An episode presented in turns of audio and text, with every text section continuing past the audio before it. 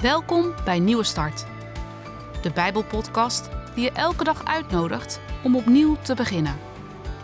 Soms kan het leven ingewikkeld zijn, maar je hoeft het niet alleen te doen. Vandaag heeft Bastiaan van Soest een boodschap voor je.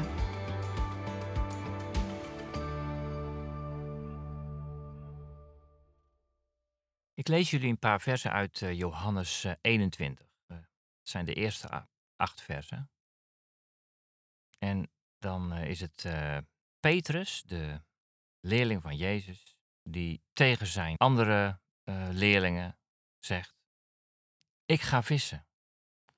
En die anderen zeiden: Wij gaan met je mee. En ze vertrokken en gingen de boot in om te gaan vissen. Maar die hele nacht vingen ze niets. En toen, toen het al ochtend werd, stond Jezus bij het meer.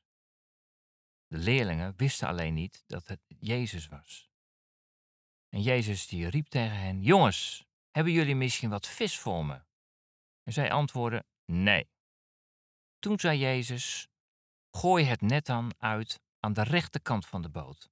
Dan zullen jullie wel wat vangen. En dat deden ze. Toen zat het net zo vol met vissen dat ze het niet meer aan boord konden trekken.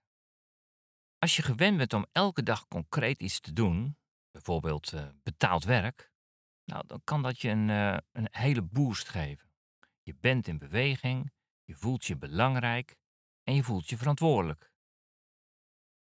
Als uh, zoiets door omstandigheden wegvalt, dan kun je jezelf helemaal verloren en onhandig voelen. Hoe gaan we onze dagen nu opeens invullen? Dat kan minstens zoveel stress geven als uh, een burn-out. Een bore-out heet zoiets.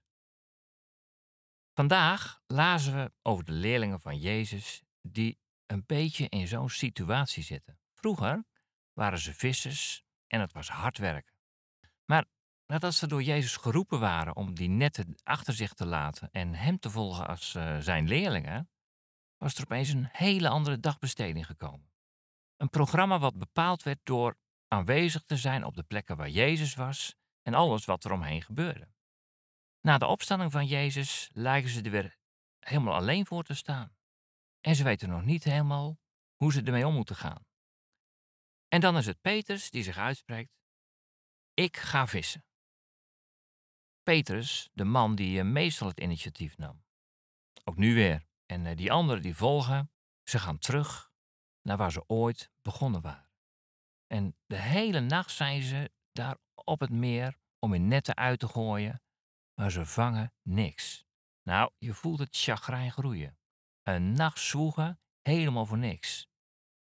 En dan uh, in de vroege morgen, dan is daar opeens zo'n man aan de zijlijn. Ze weten niet dat het Jezus is.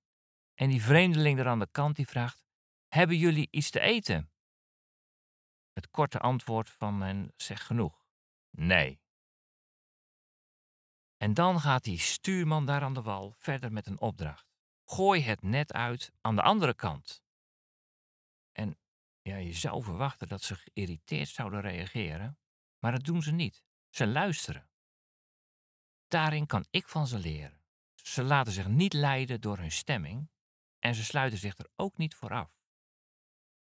Deze mannen die volgen het advies op van deze vreemdeling. We hebben gelezen wat dat opleverde.